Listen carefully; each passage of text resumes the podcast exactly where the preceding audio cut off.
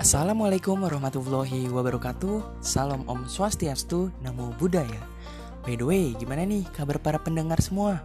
Gua harap tetap baik-baik aja ya Terutama di era saat ini Era di mana virus yang biasa kita sebut COVID-19 berkembang dan menyebar dengan cepat Oh iya, sebelum kita terjun lebih dalam, ada baiknya gue introduce myself dulu ya.